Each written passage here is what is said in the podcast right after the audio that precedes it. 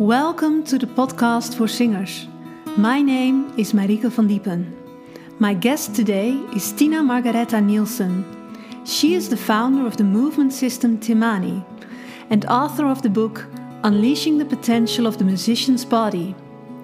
Timani is a unique collection of knowledge and exercises for musicians to develop a deep understanding of the body and its function while playing and singing, based on anatomy and science. Tina's background in anatomy and movement comes from her studies as a massage therapist, personal trainer, kinetic control movement therapist, and twice a certified yoga teacher. She is also a professional pianist who has recorded several classical albums. Tina also runs a three year part time certification program for professional musicians, training them to become Timani teachers and how to implement the knowledge in their own playing and singing and I myself a Timani teacher, hoping to graduate officially this summer.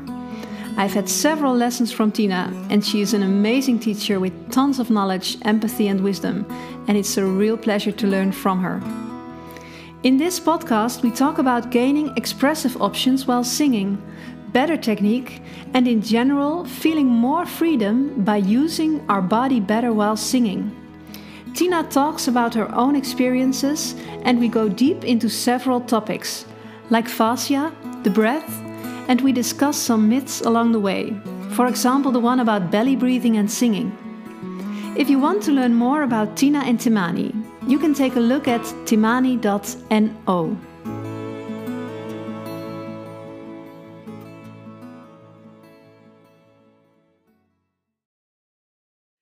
So, welcome, Tina. I'm so excited to talk to you about uh, anatomy and movement and how this knowledge can really benefit us as singers. So, a big warm welcome to you.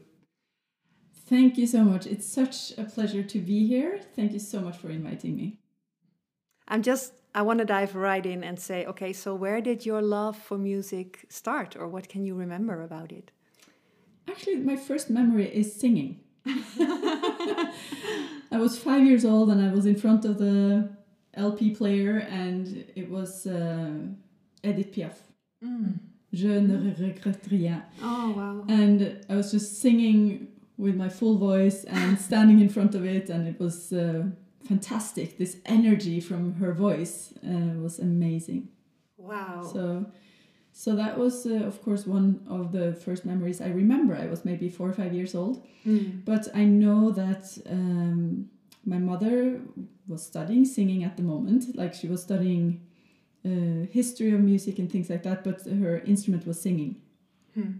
And I used to sit in the big church in Trondheim. Uh, it's a huge cathedral, uh, and listen to the choir practicing every week. And mm. uh, so I grew up with a lot of music at home, and I grew up with a mother who was singing all the time, and yeah, and we were singing together. And uh, then I also played the violin since the age of five, and my piano was very attractive since the age of two. So, so um, yeah, there's been a lot of music and a lot of love for music, almost as a natural thing of every day. Mm. Oh, that's great. So actually, the voice was something really prominent in your uh, memories, actually. Absolutely, and it's always been very important to me. Mm. I also think of it when because I'm a pianist now. Yeah, that's where I ended up. but I always think of singing at the piano, like mm. the my, my when you're playing. You yes, mean? my oh. sound. My sound is I hear it as though I'm singing inside mm. when I play the melody, and I also love to sit and uh, accompany myself with uh, lieder, romances. Mm-hmm. Uh, so I love to play with singers because then I can practice the, songs and I can sing them myself before the rehearsals.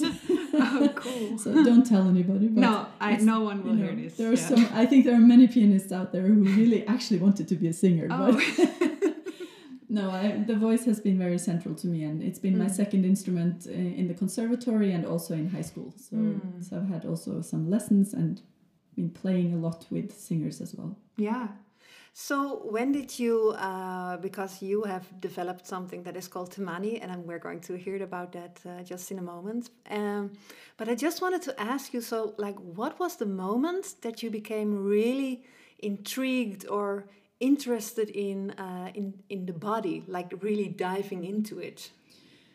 Oh, I, I think I, I'm going to have a three part answer to that. Great. At least. okay, so I can see that one of the reasons why I'm interested is that I'm at some point I understood that you can actually develop as a musician at any age if you know what to change in the body.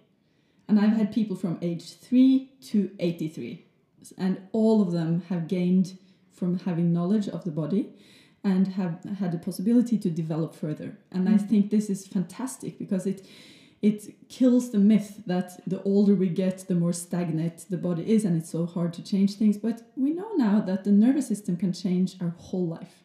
There are many, many things that we can change in the body. And the nervous system, when I say that, it's connected to how we use the muscles, how we sense the body, how we coordinate, how we feel when we're singing or playing. Mm. And I have many people who are 50 plus who are still developing mm, really significantly on their instruments because they are starting to work on their body. Mm.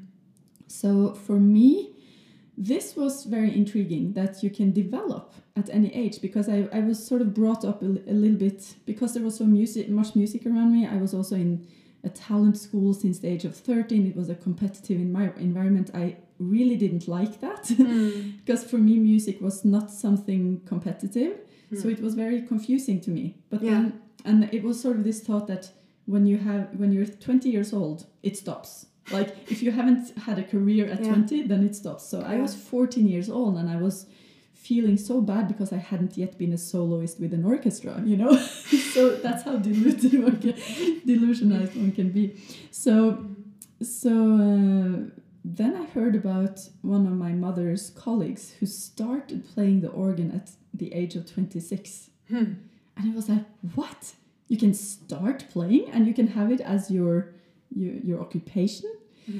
So that changed a lot of my thinking and I felt when I was 14 I heard about this and and I was very inspired to to sort of be part of the proof that it's possible mm. to hmm. develop after you you're 20 years yeah.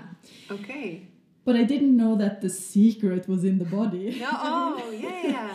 and this didn't come until. But it sort of stayed with you that yeah. thought. Yes. Wow. That's uh, this is there's something possible here. Yeah. And I don't really know how. Interesting. Yeah, mm. because when we start to ask questions like how, then sometimes something later on happens. Yeah. Yeah, and and and actually i was um, very on the opposite side when it came to the body and making music i mm. I actually skipped 12 of my 13 lessons of physiology class in the first year of bachelor's yeah. in the university because i thought the body has nothing to do with my playing it's irrelevant i'm just going to practice for six hours a day and that's fine mm. So, uh, 10 years later, I was sitting in the same job at the same university teaching the students. and, you can imagine yeah. those 10 years I had to really change my mindset about yeah. many, many things about myself, about how the body is actually the one of the greatest tools that we have yeah. to play or sing better, right?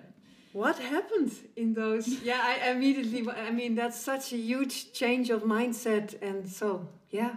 What what made uh, that happen? Mm, good question. I mean, I, I did have chronic pain at the time in my back. It wasn't necessarily related to the piano, but it didn't get better when I was playing either. So I had to take breaks often, and, and it was a little bit exhausting. So but I, I did not have a good relationship to my body. It was just something I was walking around with, and it was painful, and I didn't like it. Hmm. Uh, it was carrying my head around, and uh, my fingers. Okay, that was important, but the rest of the body was irrelevant because the fingers playing the piano, right? Hmm. So it was basically um, that I started to work on my body with a therapist that was body oriented and I mm. suddenly di- di- like discovered that I could sense my body differently, and that when I sensed my body differently, I felt different. So it changed the feeling of who I am. Hmm. And it made me more in contact with some of my emotions and all of that. But it was not related to playing. So th- there was. Yeah. no connection to that. That wasn't before I did my master's degree and I came to Berlin and I came to a teacher at the University of Arts, UDK. And she was specializing in the connection between anatomy and playing piano. Hmm. And she was very thorough in her work and she taught me very thoroughly the muscles to use for piano playing. I've never had a better technique uh, upbringing ever in my life. I, I just realized I don't know anything what I'm doing Mm. until I came to her, and that was my seventh year of studying at universities. I came to her, so it was quite a shock to mm. to start u- using my muscles consciously, and to actually feel that it made the music better, and it made me safer. Actually, within three months, I felt seventy percent of my nerves were reduced. Wow. So the last 30% were probably psychological, but it's mm. quite a difference to think that 100% is psychological or Yeah. just that I haven't practiced enough, mm-hmm. right? That's Yeah. the that's the normal thought Yeah. for any pianist in the world. I just haven't practiced enough, right? you can always practice more. yeah. But suddenly I felt more secure. I felt grounded in the key. I felt this is where my piano is. It was such a wonderful feeling, I- and I just, I just owed it to anybody, everybody, every musician in the world to have this experience of safety at the instrument. So that's how I started diving into this and and really investigating and learning and studying and putting things together um, with what I also had learned there and new things and everything. Wow, that's that's really amazing. So then it uh, led you to developing something that is called Timani, and I have to ask because uh, before I knew it, I had no idea what is Timani. So I just want to ask you, what is Timani? It's basically the collection of knowledge that I have gathered and also put into a system. Because in 2013, um, I started training people to teach it. And then you need a name, right? Yeah, yeah. so it was uh, a lack of creativity, like I. It's my name, Yeah. Tina Margareta Nilssen, T Money. Uh, it's to keep it open, the name open, and that it doesn't really mean something, and that it's easy to spell, it's easy to remember, so that if you have a lesson to a Timani teacher, it's easy to sort of know what you have done. Yeah. Uh, so Timani is that collection of knowledge that that I had gained and that I was still gaining um, all the time. There's sort of new things uh, coming, maybe less now than ten years ago. You know, so so uh, it's you could call it a method. People have different uh, feelings about calling things a method. I actually Yeah. talked to somebody yesterday who said, "Oh, yeah, I'm not doing any method because method means you have a step-by-step program and you have to follow it very rigidly." Yeah. And I said, "Oh, then it's not a method." Yeah. but uh, to me, it doesn't matter what, if it's a method or not. It's it's a collection of knowledge and exercises. So it's a little bit more than a hundred exercises that will enhance body awareness and more than that, it will also change coordination and the use of muscles. Uh, because I, I believe that body awareness is amazing and it's really important, but it's not enough. We cannot just be aware and Yeah. then something happens. We, we Yeah. have to know what we're doing. Yeah. It's complex. So if you're talking about coordination and changing coordination, like what what does it mean to Yeah. change the coordination in the body? It means to to start using some muscles that are meant to be used over time or repetitively. For example, as a pianist, you repeat certain small movements all the time, mm-hmm. and that you know how to use these so that the compensatory muscles that tend to tense up too much or hmm. create unwanted tension can start releasing. Yeah. So, and sometimes you have to approach it from different ends. If if there's mm-hmm. a lot of tension, you might also want to start with relaxing those muscles that are helping too much. Maybe they are helping because they are trying to give um, information to the brain, and maybe we can give that information in a better way, and then they can start relaxing, for example. So, Yeah.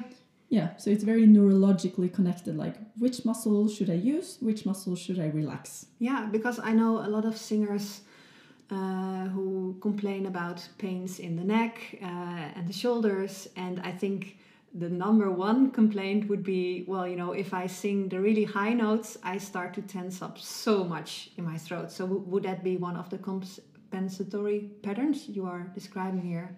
Absolutely, Yeah. Mm. absolutely, because the tension in the throat is a compensation for a lack of tension somewhere else, Mm-hmm. or that the breathing pattern is what I call reversed. Hmm. So that we are, for example, activating too much of the diaphragm or too much of the the six pack or something like that that pushes things down and creates a lot of tension up in, into the throat. Yeah. Yeah, because you know when I um, I didn't start as a, as a singer, I started as a flutist, and I, I can remember that at a certain point my flute teacher was uh, and he was a great guy, just to say, but he was telling me to uh, when I breathe in to move my belly out, like put your hand on the belly button and breathe in and sort of feel the belly moving out. So, is that somehow related to this reverse breathing thing you are talking about? Yes and no, Mm. it doesn't have to be, Mm-hmm. but for breathing in, that would be a pattern that I would not encourage for singing. Um, Wait. okay, let me. So, for breathing in, for singing, don't put the belly out. This is potentially revolutionary stuff. yes, I would say don't put the belly out, at least not too much. Mm, and I'm, I'm saying that because it's just, I've, I've heard it so many times Yes. to, to do that. Yeah. And I used to practice it too because uh, Mm. my mother was a singer. She was also teaching singing. And I remember sitting in the back of the car with my hand on the belly Yeah. and then breathing in and sort of like, you know, letting the air in and the belly out Yeah. as I was breathing in. Yeah. And this um, was very common to teach Yeah. uh, when I was young.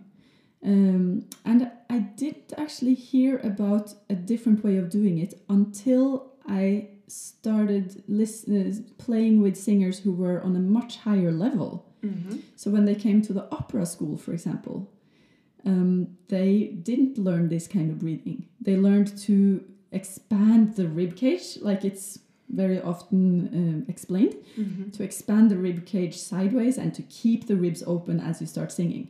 Yeah. So, so that would be the kind of breathing that you learned in the good opera schools. Hmm. And to me, it was a, a quite interesting. This is like 25 years ago. I'm talking about when I started sort of seeing that this breathing uh, way of learning to breathe was different in different places, Yeah. and sort of wondering what that's what's that all about, right? Yeah. Yeah. How can you learn one place that you should let the belly out, and in another place you don't let the belly out, but you expand the chest? Yeah. So I, for me, that was very worth investigating, and I sort of got some of those answers also in Berlin when I was doing yoga classes. Hmm. Oh. I came to this. I was with this uh, yoga teacher, and he said uh, we sat in the, in this lotus position and on on the sitting bones on the um, you know on the mat, Yeah. And he said breathe, take a deep breath in, Uh-huh. and when I looked at him, his chest was expanding like six times. It's the biggest chest expansion I've seen in my life. And I was actually provoked. I thought it was provoking. It was like, that's not deep breathing. deep breathing is down in the belly, right? It's, it's south in the body. but I had to sort of uh, think about this. Hmm. And then I went on YouTube and I started watching the great opera singers. And they were breathing like this too. Like they Mm. were also expanding the chest and, and you could see like the balloon behind the chest wall, Yeah. right? Yeah. And then I also took a, a one day course about the diaphragm at the university with an expert. Uh, she was not a musician, she was more No. like a physiotherapist or something Yeah. and we looked at the diaphragm pictures and we explored the diaphragm and here also it wasn't about just letting the belly out it was more about expanding the chest and letting the diaphragm move in this way together with the intercostal muscles Hmm. so that it was lowering but it was also um, being pulled out in the bottom of the ribs so that the intercostals were also active Hmm. so so this made me of course uh, very curious about uh, breathing and trying Yeah. different ways of breathing and and put me onto that track and now of course i have yeah read much more about it i've been teaching hundreds and hundreds of singers hundreds of Yeah. wind players and really getting to try when does it become too high when does it become too pushed in one or another direction Yeah. and I, I've seen so many bodies breathing now that I feel that um, I have a much better overview Mhm. of where does it, where are the hindrances? Like Yeah. where does it seem like something is stopping the breathing from just fully expanding naturally, Mhm. and where does it seem like the the breathing is pushing or you know Yeah. forcing or creating tension in the throat and Yeah. it's a very i have to admit a very complex picture yeah. it's not um, explained shortly Mm. but uh, but to at least take that part of it i would still recommend when singing not to let the belly out as a balloon uh, No. sort of moving forward Mhm. except when lying on the sofa or in the bed or on the floor just relaxing Not singing. yeah Yeah. belly breathing is important Mm. for relaxation it's really important to if the breathing is very high all the time if you're Mhm. lying down and relaxing and the chest is moving a lot Yeah. that is really not good for the nervous system because we Mm. need the down regulation that that the breathing can bring us Mm. but when we're singing we need both we need both to get all the way down actually feeling it all the way into our feet Yes. I, I, very much want to go into that. yes Be- because um, for me, uh, I was so uh, in wonder uh, that uh, when I did some, I was trying out some of the Timani exercises. I think one of the first times I did a Timani exercises, it was just something like massaging the feet, and I was like, uh, okay, I'm here for my Why? voice, but okay, let's give it a go. Uh, so I did the massaging of the feet. And after having done that, standing up and sing again, it was completely different. It was uh, it was really amazing. Like it would feel much more like um, like really grounded, like really really secure. But I could also notice both that uh, my larynx or the muscles around my larynx were more relaxed, not so not so tight, and also that like there was a lot more, yeah, maybe say resonance in my voice, just deeper. So I mean, there there is no oxygen coming in to the feet. Well, through, through the blood maybe, but I mean the air stays in the lungs. So what's going on, and and what does uh, what you feel in your feet? How does it affect your voice? Can you Mm. say something about that? It's a very good question, and I think it has multiple answers. Hmm. Um, and I want to mention firstly that I think one of the things that singers come and say is a problem very often is that they feel when they are singing in a concert, they feel that they are not grounded. Hmm. That things are just lifting up and it tenses up, and Yeah. they the breathing feels high, Yeah.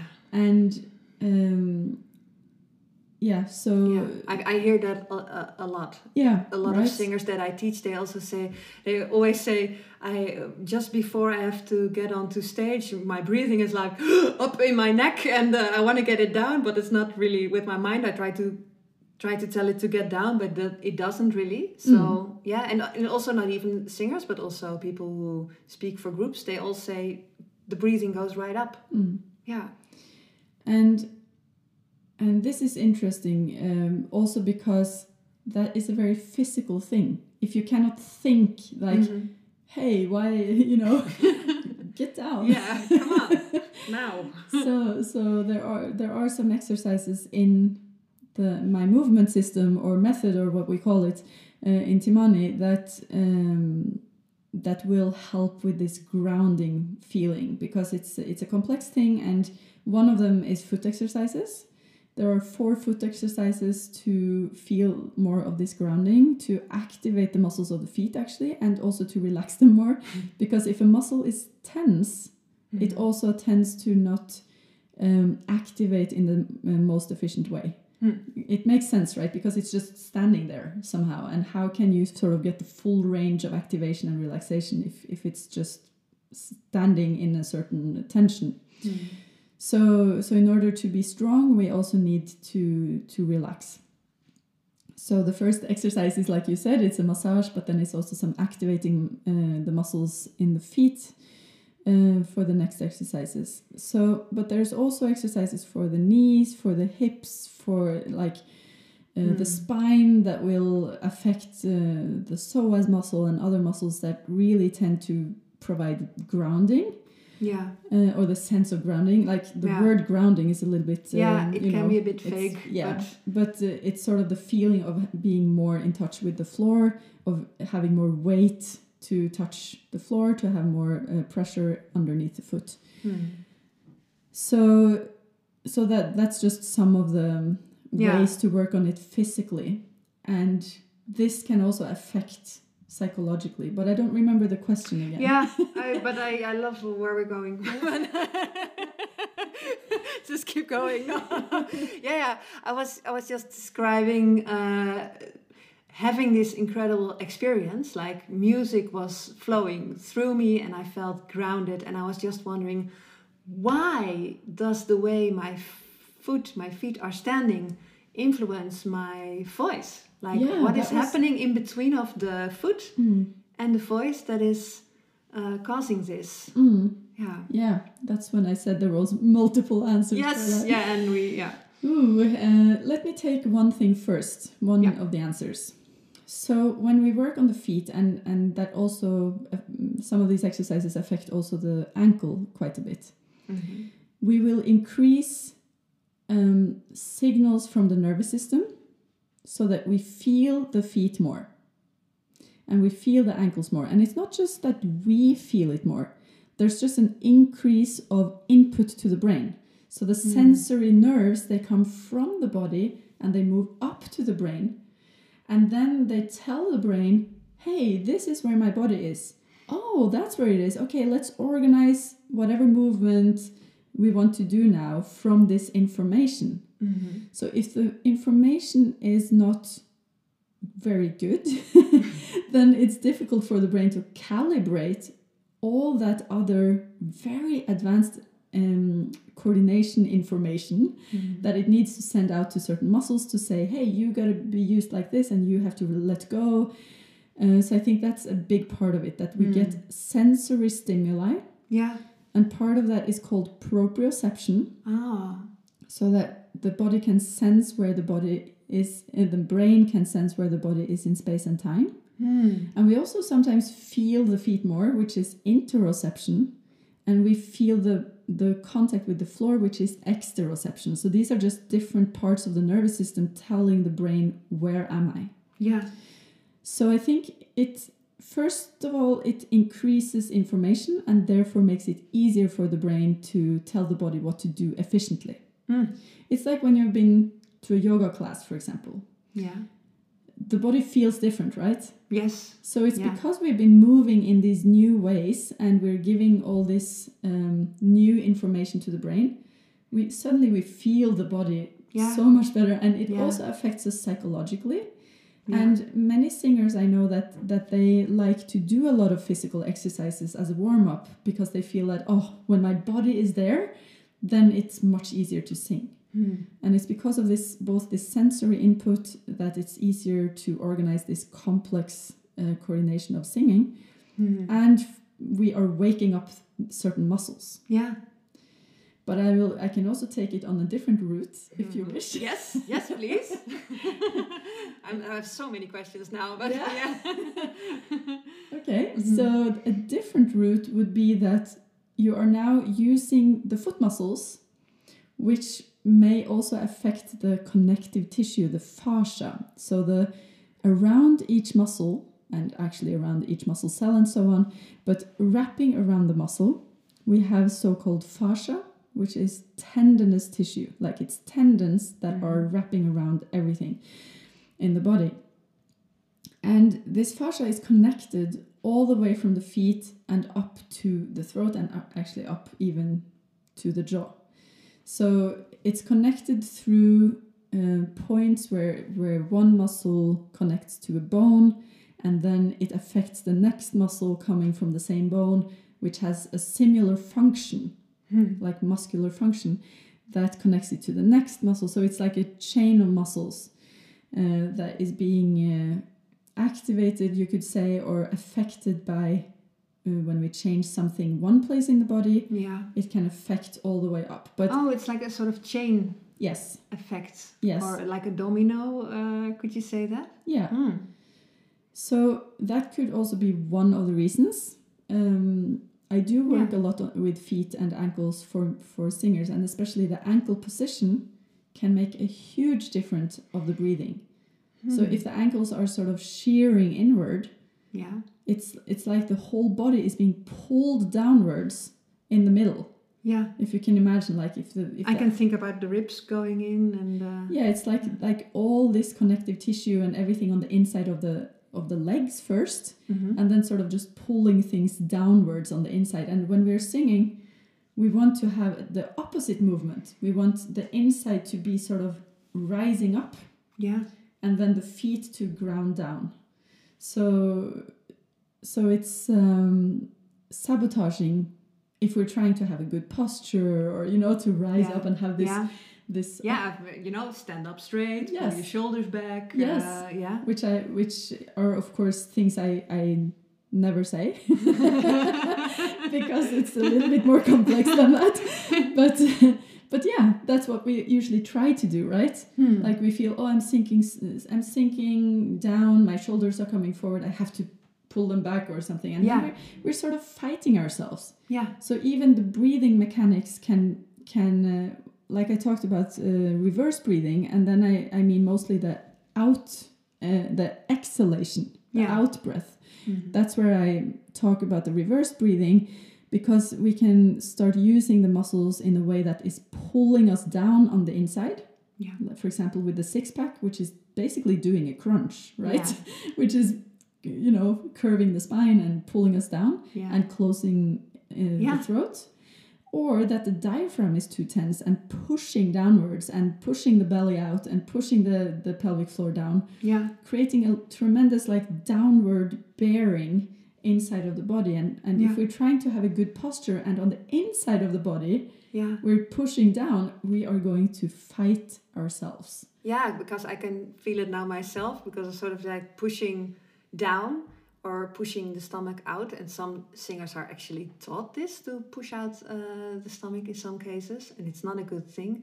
But I can really feel that pushing down, it's uh, it really closes my throat. Yeah. you can feel it immediately. So like this Yeah. kind of sensation. So Yeah. and then you have to sing. So then you have to put in even more effort to Yes. to, to get out this sound. yes because it's part of valsalva valsalva Mm. is what we do if we go to the gym and we lift really heavy weights or you see the guy lifting very heavy weights he's like Yeah. you know we're closing the throat um, activating the diaphragm maximum using everything, Yes. whatever. exactly and it's not wrong to use valsalva when you're when you're exercising. Um, although i like to do it together with a muscle called the transverse abdominis so that we're not bearing down also in the gym. So when we're lifting heavy things that we're not everything is not being pulled down. That's not necessary we can still have Yeah, have a lot of support that is lifting up and then also do this valsalva yeah, to get this extra tension but this is of course a little off topic but yeah. but but actually not completely because if we like to go to the gym Mm-hmm. and we are doing this a lot like we're bearing down we're doing the valsalva pull, pulling downwards a lot and then we go to sing Yeah, we have prepared the body to do Yeah. reversed breathing. Yeah, the, the diaphragm is tense the yeah, the stomach is pushing Yeah. out you know and the and the chest is pulling down so Yeah, it's, it's and- heavy. And sometimes, you know, when we when we sing, uh, and maybe especially, but if we have like really high notes or a lot of volume or a lot of power, or we even do like grunts or screams or distortion, you need a lot of extra power to do this to be able to produce uh, so much sound. So if you if you train something like a valsalva or if you go a lot to the gym, then you're just used to like the body is used to. Oh, I need some extra power. Yeah. Let's do it like that. Yes, Yeah. exactly. Hmm. So how how do you train the other thing? How do how do we unreverse our breath? Well, that's a secret. No. well, it's it depends on the pattern. It depends on the pattern. If if it's um, if it's a six pack that is uh, very intensely contributing, or the That's like the most outer uh, muscle of the abdomen, right? yes, Yeah. one could say that, and also on the sides, the the most outer one on the sides is the external oblique. Yeah. Um, and these are not primary muscles for giving a good support, breath support. Um, these are more uh, muscles that will pull the ribs inside and down. Yeah. So, so they will not contribute to this to this upward movement. Yeah. I'm trying to do sort of crunch now in my Yeah. chair. Uh, yes, I can confirm. Yeah. Yes, and sometimes it's subtle, right? It's just Yeah. the, the starting to sing and the whole chest is sort of pulled down a little bit. Yeah. So we, we don't necessarily do the whole crunch when we're singing no. because we're trying to have a good posture. Yeah. but but uh, the ribs are being pulled down yet uh, still, Hmm. and it just feels tense very often. And and the throat, uh, the head comes forward also Yeah. with this pattern. Um, very easily because Mm-hmm. we have this downward pull and the, the neck moves forward. So, very often people are struggling with the neck and trying to get the head back, Yeah. where actually the cause of it is much further down in the body. Mm. But to Yeah. un Unreverse. it, Yeah. we should have a better word for that. to what, what's the opposite of reversed? Uh, straight. straight. to have straight, breathing. No, it doesn't sound so good. Yeah. Let's say unreversed. That's, Upright, That's, yeah. that's good. Rising up the breath. Yeah. In order to do that, um, there uh, there are some certain things needed. Hmm. The first thing I would say, eh, like the largest thing, which i which I think is one of the biggest causes of a breathing pattern where the belly is is just letting out and and it feels shallow and it feels tense Hmm. is to put the hips into a proper alignment. So if we're standing, for example, that we Yeah. make sure that the hips are not shifted forward in space, Hmm. so that we are coming back with our pelvises, with our hips, Yeah. to a place where we have to look in the mirror and see that they are aligned Yeah. because we cannot anymore trust our brain to tell us the truth Yeah. because most of us are influenced by the culture that we live in, right? Yeah. We copy what we see. Yeah. And if we look into the the shops for clothing Yeah. and you look at the mannequins there, Yeah. how are they Yeah. standing? Yeah. Well, they're hanging on their Yeah. hips, hanging forward on the hips. Yeah. I I was talking with one of my singers, and she's an art teacher, and we were discussing that in art also they want to make these angles with the body. Like it's exactly that, and that's what we see the whole time. Yeah. Yeah.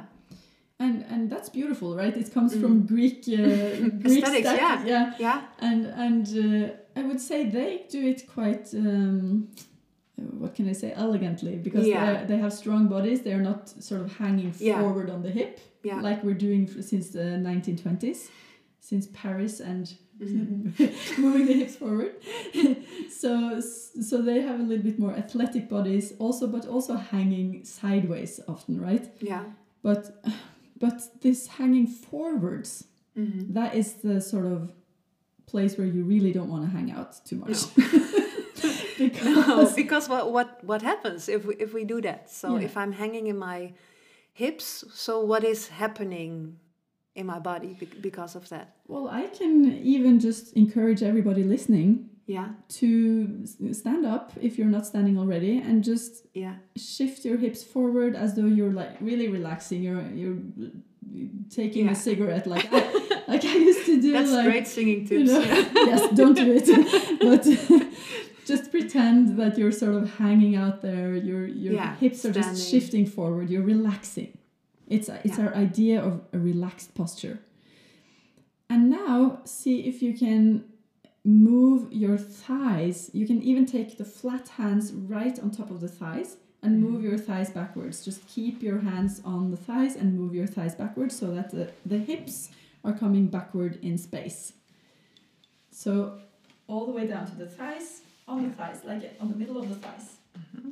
Yes.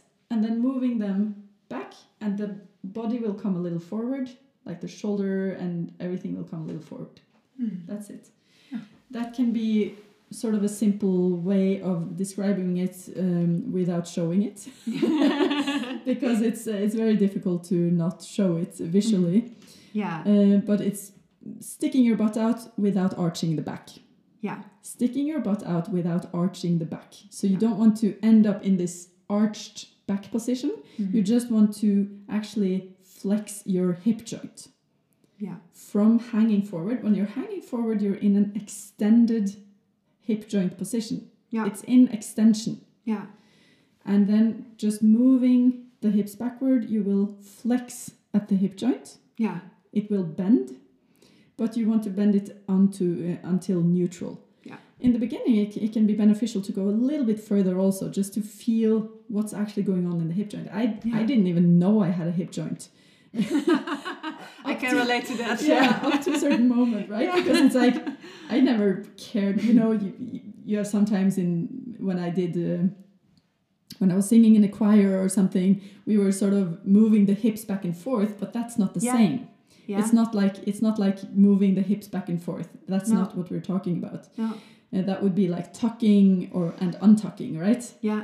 Uh, this is not the movement that we're talking about. It's we're not talking tilting the pelvis, right? No. no, because because this movement of the pelvis where we're tucking the pelvis and like you say tilting it back and forth this is more this is both in the spine and the hip joint. Whereas with this one you want to just have most of the movement in the hip joint.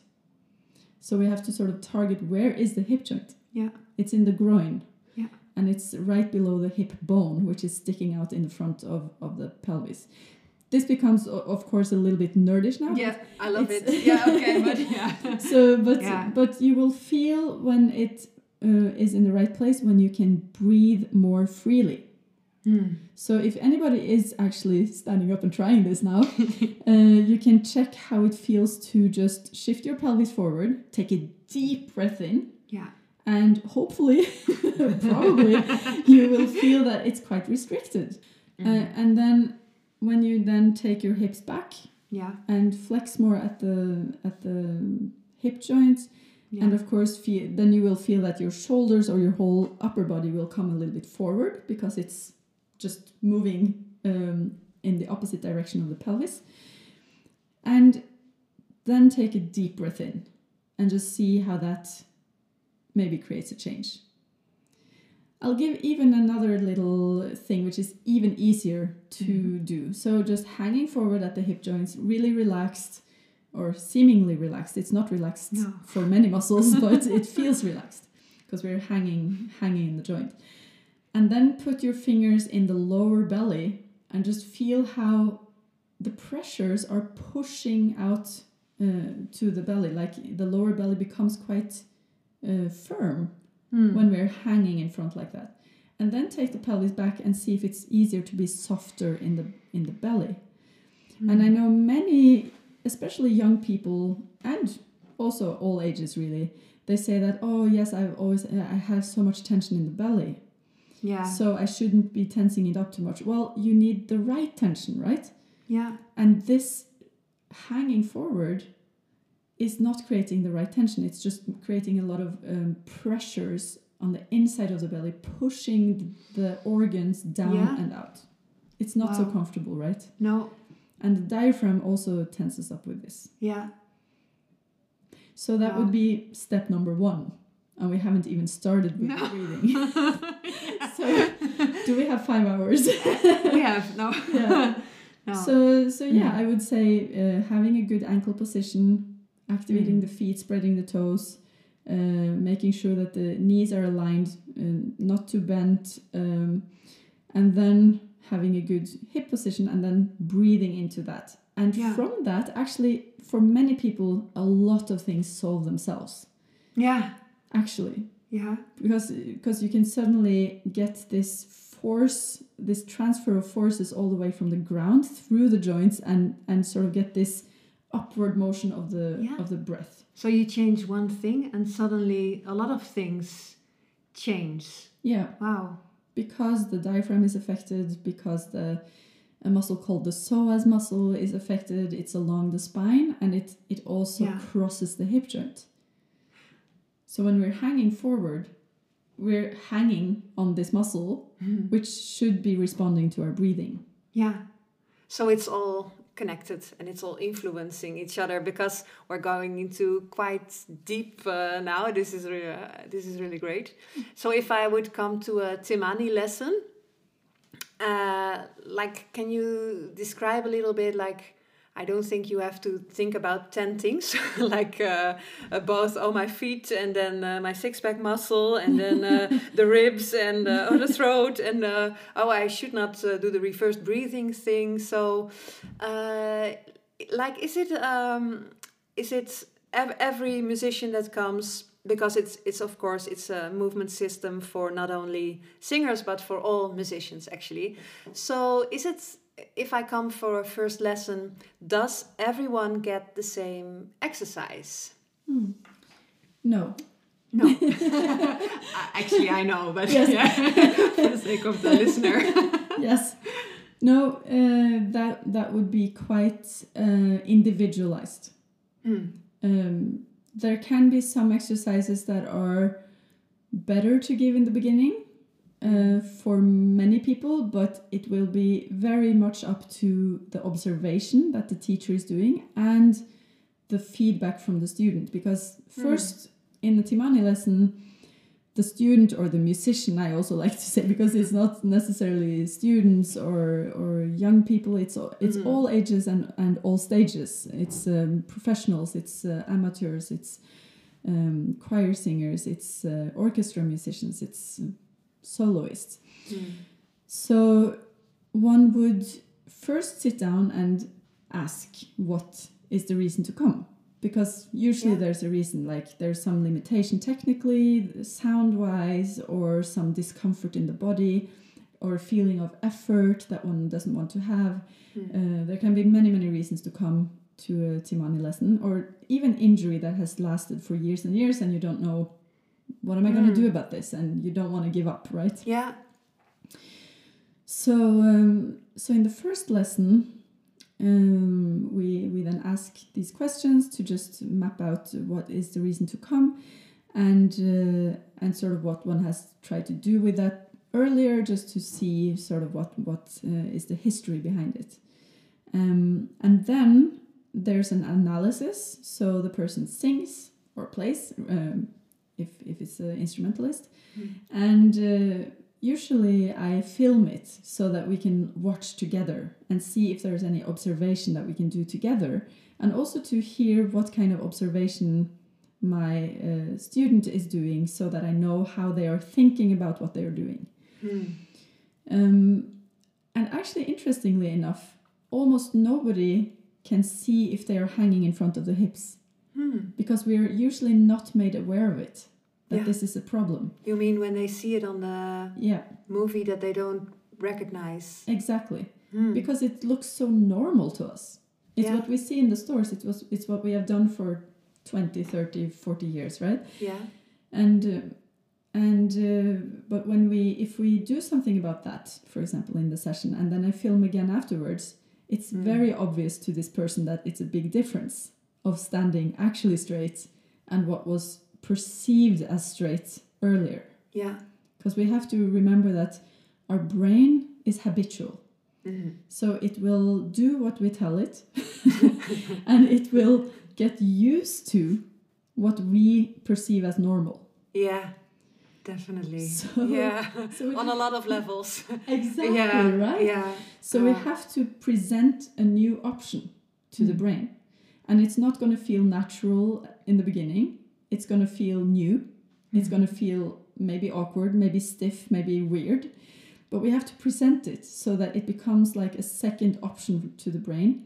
And as we practice it, it will eventually, not too late actually, it, it happens quite quickly with, for example, this example that because it feels so different to breathe in a better position Mm. that the preference is changing quite quickly one feels so well when one is hanging in front of the hip that Yeah. my breathing isn't working and it doesn't feel good and i get all these tensions in the throat or in the belly or whatever yeah. and uh, and this other way of doing it feels more free in the throat it feels more free in the belly so so the preference is is usually quite quick with that Mm. with that kind of adjustment So you you don't need to study for years to No. have that uh, no benefit. no and there are also exercises to build underneath the the sensations of having that uh, preference as well Hmm. Yeah. So- Hmm. Um, so then one uh, analyzes the first singing or playing, and uh, do we then we do a Timani exercise or two or Yeah. three, and then try to sing again with a new type of coordination that was um, that was sort of ignited by this these exercises.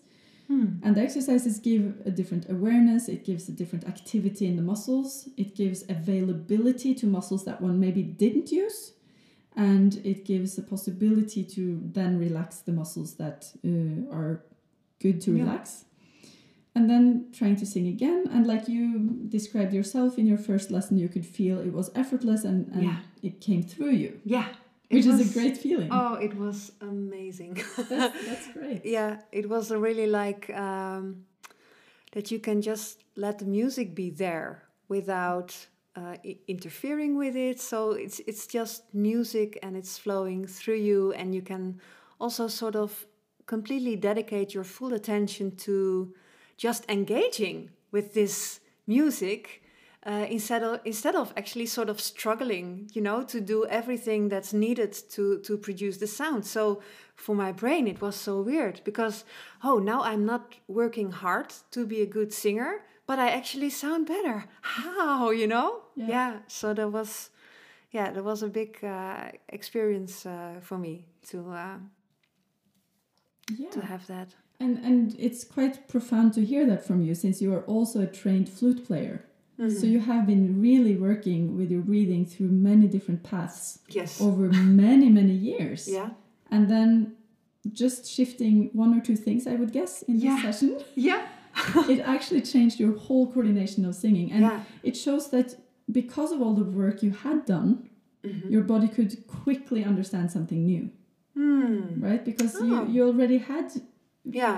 been probably using a lot of good muscles Yeah. but because of, of maybe just the position or the or the one muscle that was lacking or something like that yeah. it, it, it couldn't actually be used in the full potential before you got those small tweaks um, into place Yeah, and it, it was a exercise with the psoas, I remember. So that makes a lot of sense because when when I was studying at the conservatory, uh, we I never heard anything about the psoas muscle. like uh, I learned a lot about breathing. So yeah, that's actually really nice that you say. Also for me to understand that.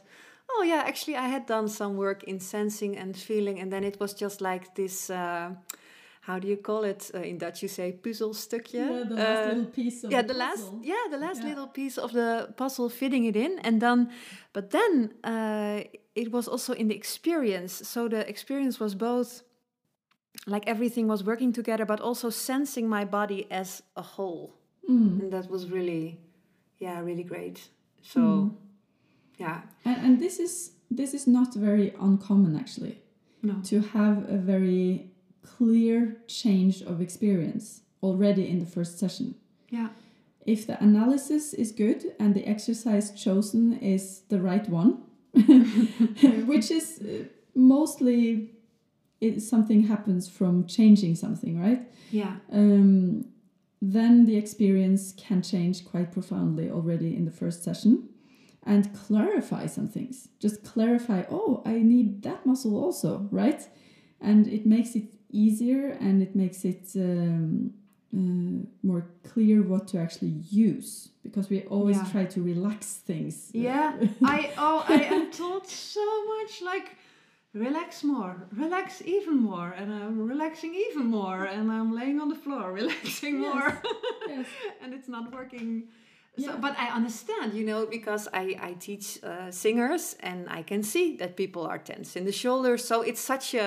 It's also, I mean. It comes from a loving heart, you know. Uh, re- please relax more, but it doesn't. Uh, it doesn't necessarily solve the problem. So what we see and what we think should be uh, done isn't necessarily what you should do. Yeah. So about yeah, this is relaxing. So how is that in in Timani? Do we also um, focus on relaxing? Yes. I mean, I feel uh, I'm just going to comment on that because it's an Yeah. interesting topic. Uh, that for some people, one has to go via the relaxation or feeling the breathing all the way down to the pelvic floor and relaxing that and Yeah. and really working on that if there if there's hypertension like a lot of tension that has Mhm. built over many many years for example there are a few cases where that's necessary but most of the time it's a confusion of what should i actually use um, but what i also see with singers it, it's like two worlds like because there's also singers that um, i'm sorry to say but some teachers hit in the stomach oh no, to yeah. to check if you have enough support and things like that. It's Uh, I, wrong on so many levels. Yeah, so many levels. it's it's Yeah. not good because it creates fear. It creates um, Yeah. uh, more tension that you don't want. Yeah. Um, so it's also sometimes an overly focus on tensing up the belly or something like that, right? So, so again, it's the lack of clarity of what should I use, what should I relax. Yeah. Yeah. yeah, Because I know a lot of singers also that think, okay, I just have to pull in my stomach.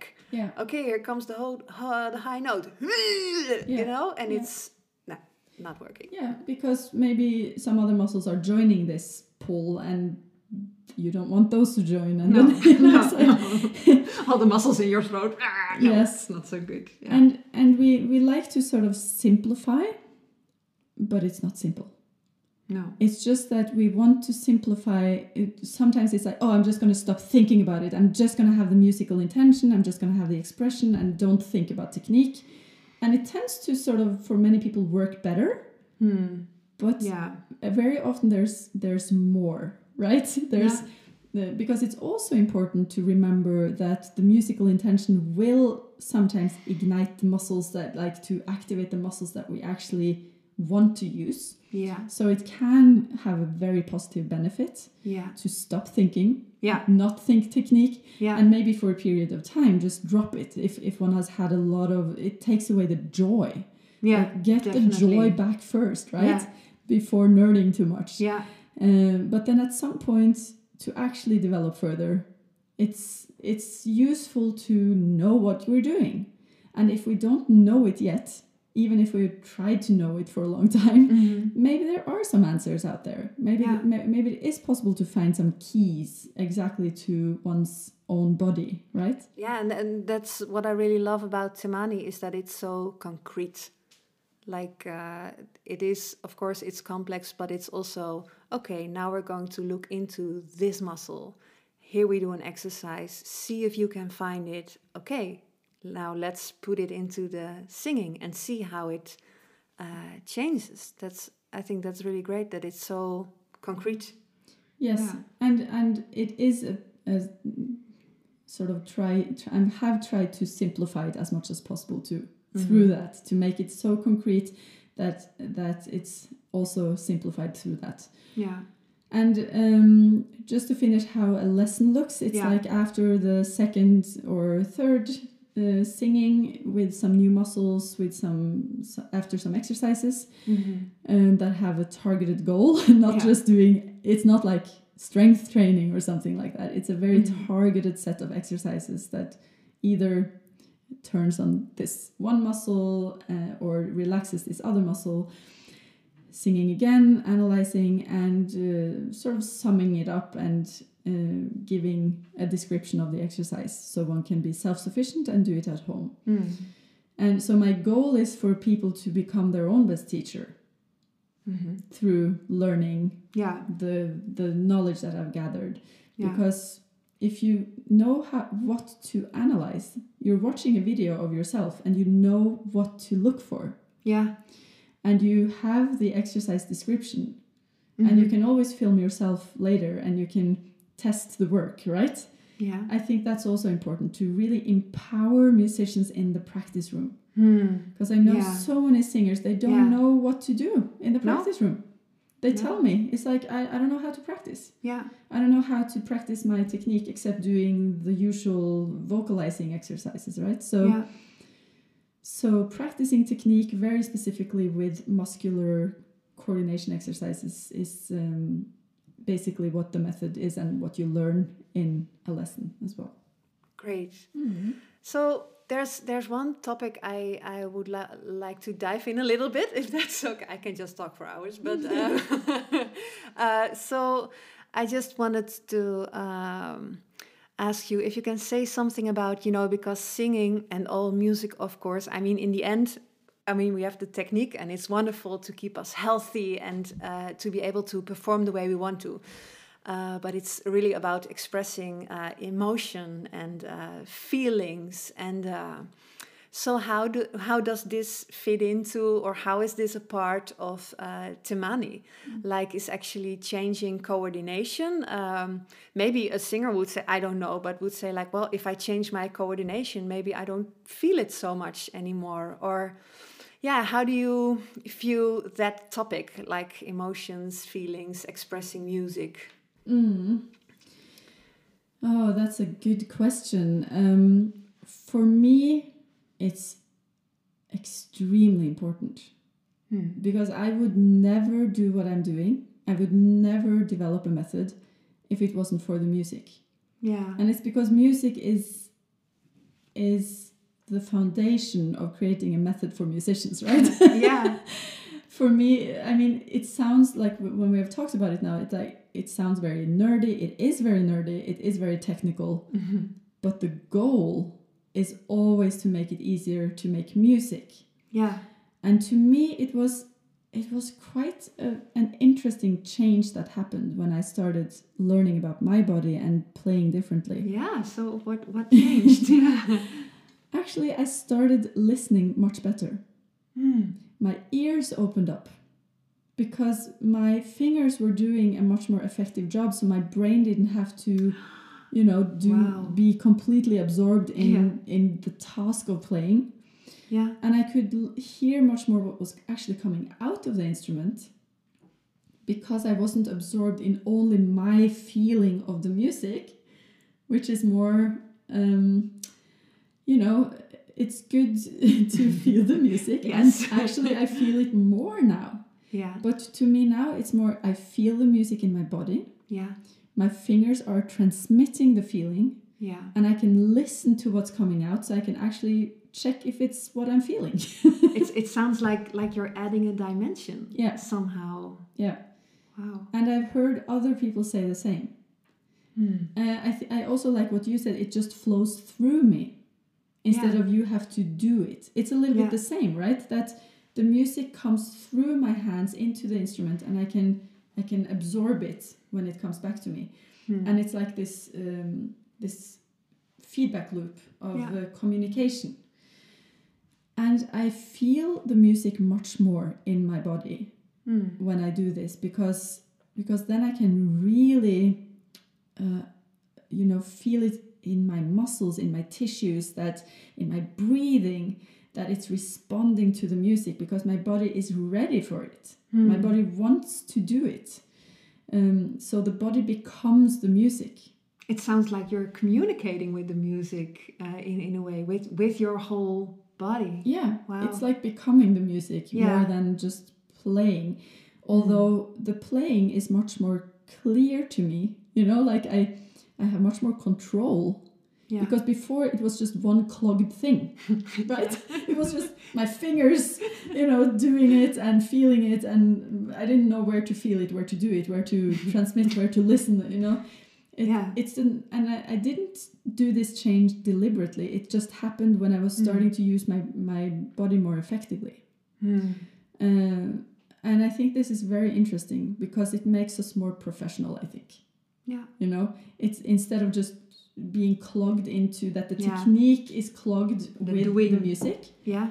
um, it doesn't create a clarity of the transmission of the music somehow Hmm. so that that was my experience i think people experience it differently but but what is important to me is that we don't go up into the head Yeah. and start thinking too much yeah. that's why there are physical exercises to actually to actually um, activate these muscles Hmm. so it's not like in a timani lesson it's like oh just do this or do that no we do a physical exercise so that this muscle that we want to have more of is actually being um, activated very consciously Yeah. and then it's much more easy to to stand up and sing and then it's just helping to transmit the music Yeah. so it's never ever taking away the music, No.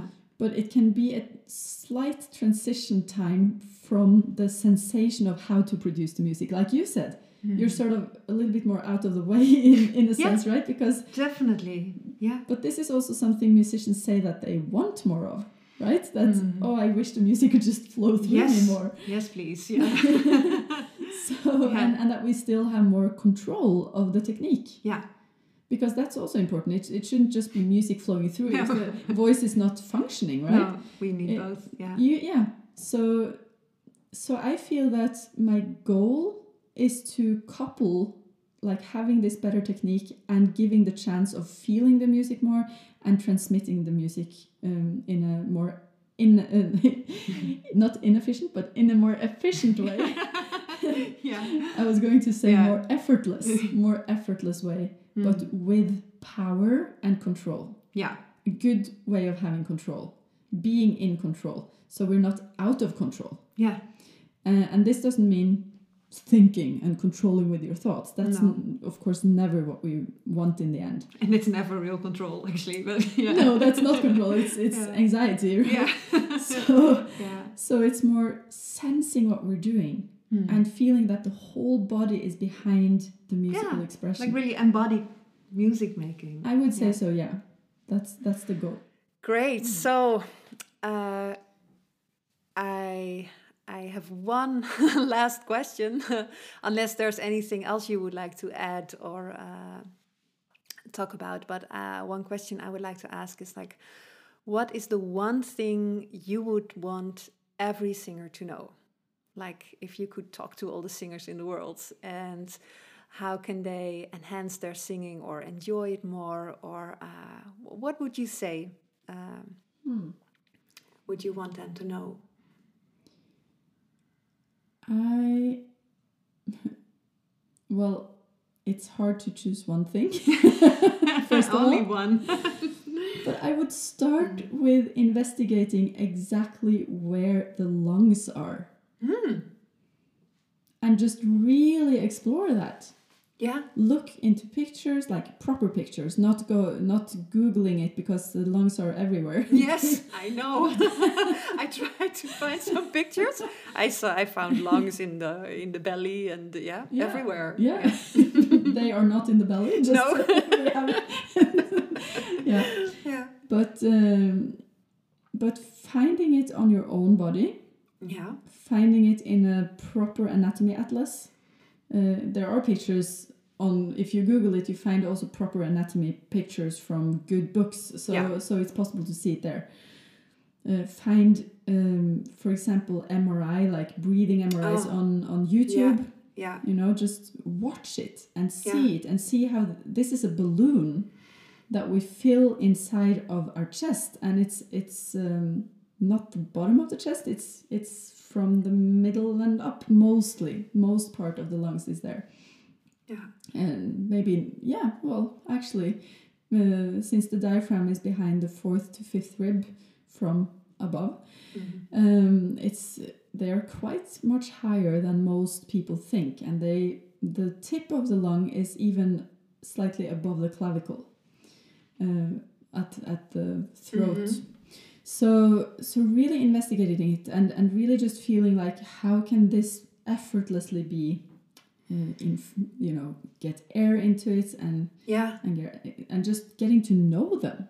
Yeah, because we have such a weird picture in our minds where the lungs are and I, i've done my studies on that like my my own private studies like asking for example Yeah. in one in one go i had like 29 wind players uh, at the norwegian academy of music and i had uh, all of them in and asked okay what do you want to work on in these three sessions we had three sessions all of them and everybody almost everybody said oh breathing i want more clarity of breathing and and uh, support and then i asked okay where are the lungs right there was one person who could really out answer of 29. out of 29 Yeah. students on a high level. Yeah. level Yeah, and and this actually is a problem Mm. because if we don't have the right geography we're not looking for the right stuff yeah, because the lungs should be expanding in all directions. They, they Mm. shouldn't be restricted in any of the directions. So the shoulders can also join to go up and out, for example, yeah. That's instead of that's. pulling the shoulders down or keeping them Yeah. still. But but we get taught a lot about don't raise the shoulders when you're breathing, or Right. don't do high breathing. Right? So it yeah Yeah, and and high breathing is something different than Mm. letting the shoulders naturally rise Yeah. up and out. yeah So so not being afraid of expanding the top of the chest and, and things like that, but doing it without tensing up a lot in the neck, of Mm. course, because that will create tension around the, the voice. yeah But um, but uh, it was quite astonishing to see that only one knew it, and his father was a doctor. so mm. so I think just if there's one thing I feel that every singer should know, it's where are the lungs? Because then you'll also know where is the diaphragm, yeah. Where are the intercostal muscles. You will add to that knowledge very quickly. So okay. Great. And the, and you said if it brings joy, I think it brings joy to explore the lungs actually. yeah yeah. To explore to expand the chest in all different directions and sing sing with that. yeah. So exploring and uh, investigating and knowing at the same time, with with uh, um, curiosity, yeah. Not forcing. no no Yeah. no wow so if uh, if anyone wants to learn uh, uh, Timani, uh, I've heard you've written a wonderful book actually and that it's also uh, published now by an uh, editor in America. So congratulations on that. That's really super awesome. Uh, so if one would buy the book, like, do you uh, cover a lot of your movement system uh, in there? Is it uh, are there exercises? How um, how can we uh, as is it only for musicians or for Mm-hmm. everyone who's interested in the body? Yeah, uh, it's for musicians, uh, including singers. Yes. so so it's called unleashing the potential of the musician's body. Mm. So anatomy and exercises for singers and instrumentalists. Yeah. Um, and it's published uh, with the with the publisher called Gia Music in in the U.S. And uh, there are around forty exercises in this book actually, and a whole chapter of forty pages about breathing.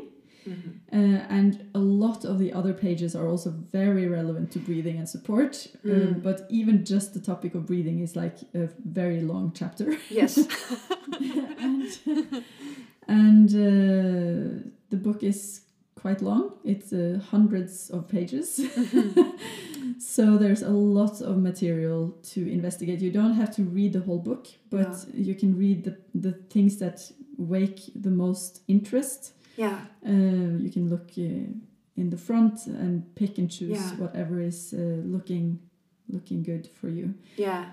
Um, And I just want to add that even though it's it's so about anatomy, I, I ju- because I read it and it's just really lovely to read. Like it's not dense, packed uh, scientific uh, uh, terms. Uh, like it's really you can just read it and un understand it. Yeah, I'm very happy you're saying Yeah. that because that was absolutely my goal. Yeah, As a musician myself, Yeah. uh, I'm speaking to musicians. I'm speaking to my colleagues, yeah, and uh, and uh, I try to do it in the most sort of fluid way as possible. Even Mm-hmm. if it's covering quite heavy topics at, at times, but I think Yeah. they are also interesting topics. yeah. But And I try to always re- make it relevant to Yeah. what we're doing as Yeah. musicians. So it's not like a anatomy and it's not relevant. It's always connected to what we're actually aiming for Yeah. as musicians. And it's really inspiring to read it, and also about building a good practice routine and honoring your own energy and your uh, own uh, type of uh, the kind of person that you are. So, yeah, I can usually recommend it to read the book. yes, thank you so much. Uh, yeah, and and I also have a membership called timaniCommunity.com is the website, and uh, where there are videos uh, filmed of the exercises and explanations, and also some instrument-specific uh, ideas how to Mhm. which exercises are more relevant than others to different instruments, and uh, yeah, and there are many teachers around the world. Um, Mm, yeah. are there any in Holland? yeah, I think one of them is sitting Yeah. in front of me, and and there are uh, more coming as well. Mm. Um, and so there is a certification course to become a teacher. It's a three-year part-time certification course, Mhm. uh, going very much in depth of of the anatomy and and all the instruments and the needs of that and how to teach and Yeah, uh, the exercises, the over hundred exercises to learn those. yeah. And Um, overall, it's all professional musicians that, uh, as a sort of add-on, do the Timani teacher training. So they're all, yeah. uh, yeah, Mostly it is. Sometimes Mm. there are some students who do it beside their studies. Yeah. Uh, sometimes uh, we've had some physiotherapists who did it, uh, especially if they like working with musicians and they Mm. feel that they want this knowledge of how to put their physiotherapy into practice yeah, with musicians. yeah, Uh, because it is different. It is Mm. some. Uh, it is a different way of thinking about the body yeah, than than just mechanical uh, physiotherapy, right? You Yeah. have to take so many things into account. yeah, Um, and uh, and we also have had some who are not professional, so it's absolutely Mm. possible if if the, if it's a wish to dive deep into it. Mm. Um, yeah, so lessons, workshops, certification, membership, book. Uh, there's also some free videos online, uh, just Yeah. uh, yeah on YouTube, so it's easy accessible. Uh, a lot of information. Great. Mm. Well, I just want to say thank you for joining me on the podcast. I hope it's very uh, inspiring for singers, and also to. Uh, I- think it's so wonderful how uh, detailed you are and so passionate about uh, the anatomy and the and the and the movement. That it's uh, yeah, it can be really inspiring as a singer to sort of dive into that, and from that really uh, yeah become an even better singer. So thank you very much. And thank you. It was a huge pleasure to be here and chat with you this hour. Okay, great. Thank you.